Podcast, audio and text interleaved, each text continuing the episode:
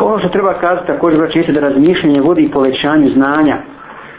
Hajmo, razni, hajmo razmisliti malo onaj o knjigama tefsira, hadisa, fikha. Odakle su došle? Kako su napisane? Ljudi samo sjeli i pisali, jel? To došlo iz, iz Have. Ibn Kajim al-Džozi je napisao, napisao svoju knjigu Zadul Ma'ad, putujuć na hađ. Putujuć na hađ, a ona ima pet tomova. Pet tomova. Ima na hiljade hadisa. I sad ljudi koji su kasnije došli i pravili tahriš tih hadisa, vidjeli su da nije nije pogriješio čovjek. Nije mu nikakvih pomagala, nikakvih knjiga, nikakvih knjiga sa sobom, nego je putovao na devi i kaže u svom uvodu te knjige, kada je putovao sam na hađ i ljudi, e, e misle su mi lutale, šezer a nezer, kaže, tamo je ovamo. Dugo je putovanje. I onda sam kaj raz, razmišljao šta da uradim, nešto korisno. Pazi, počeo, pošao je na koristan put, na hađ, ali nešto korisno uradim, pa sam odlučio da napišem na tom putu im za da napišem nešto o našem poslaniku sa veselne. I vjerovatno kada ovo moje djelo neće trebati nikome koji što zna o poslaniku sa veselne. A pet tomova, pet tomova napisao. To je skromnost tog učenjaka. I kako je, kako je on napisao. Zatim tefsir, hadis, i sva ostala, ostala djela.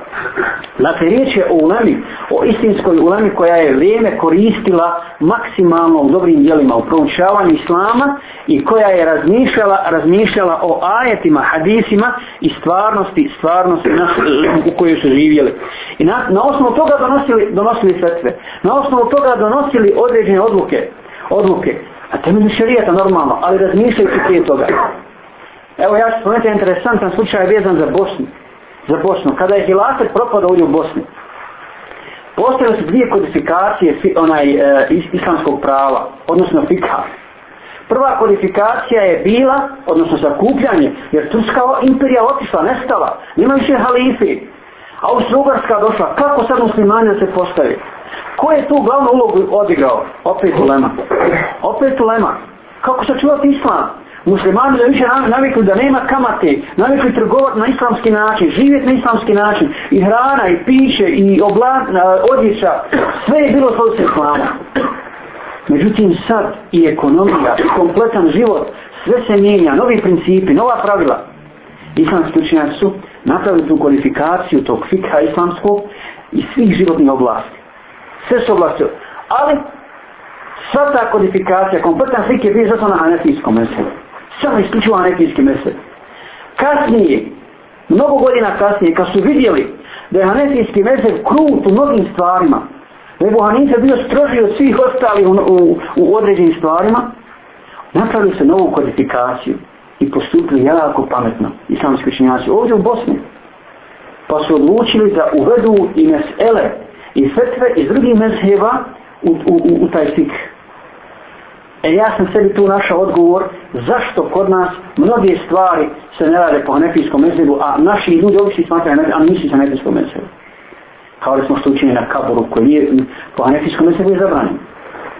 Učini na kaburu.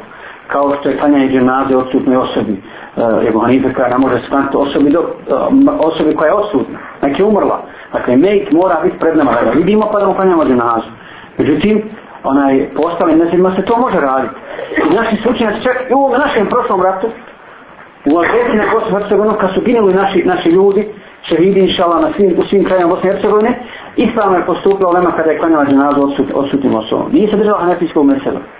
Dakle, to su te stvari, kada ulema, kada, se, kada ulema bude na ispitu, ko će o tome razmišljati? Ko će o tome i ko će donositi pravilna ispravna, ispravna rješenja? Zatim, razmišljanje o stanju umeta, Zašto je poslanica rekao, svako sto godina će doći, pojavit će se reformator, jel? Kako se postaje reformator, vizionar, kako, na koji način? Bez razmišljanja, jel? Allah će nam pošalje samo čovjeka koji će biti, koji će biti takav. Ne, islamski učenjaci, odnosno velikane ovoga umeta, dakle ti reformatori, obnovitelji vjere, vođe islama su i kako moraju razmišljati upregnut, upregnut svoje misli, razmišljati, bojati se Allaha Želešanu, posjedovati ogromno znanje, ogromno i stanje u kome su živjeli da bi donosili pravilne odluke. I da bi mogli pravilno ispravno voditi, voliti muslimane kroz, kroz ovaj dunjaločki život. A to je upravo ono što nam danas treba. To je upravo ono što nam, što nam danas treba. E, između ostalog, fali nam, fali nam i istinskog razmišljanja, ispravnog razmišljanja o Allahu subhanahu wa ta'ala. Jer mi kad stanemo na namaz i često puta se mi čak s tim izigravamo i kažemo, ako nešto zaboraviš i ako ne znaš šta trebaš raditi, ili gdje si nešto ostavio, e, kad pođeš klanjati sve će nam pasti. No. Ajmo klanjati kad će pođeš nam pasti. No. E, dakle, ne razmišljati o tome, o nekim dunjaločkim stvarima, o glupostima, o glupostima koji, koji se obsjedaju, da bi dovodio svoje strasti, dakle, nego istinsko razmišljanje o grijesima, o odgovorstvu za Allahom za šanu, o brigi za umet, o brigi za umet, i tada će Allah da podove, sigurno.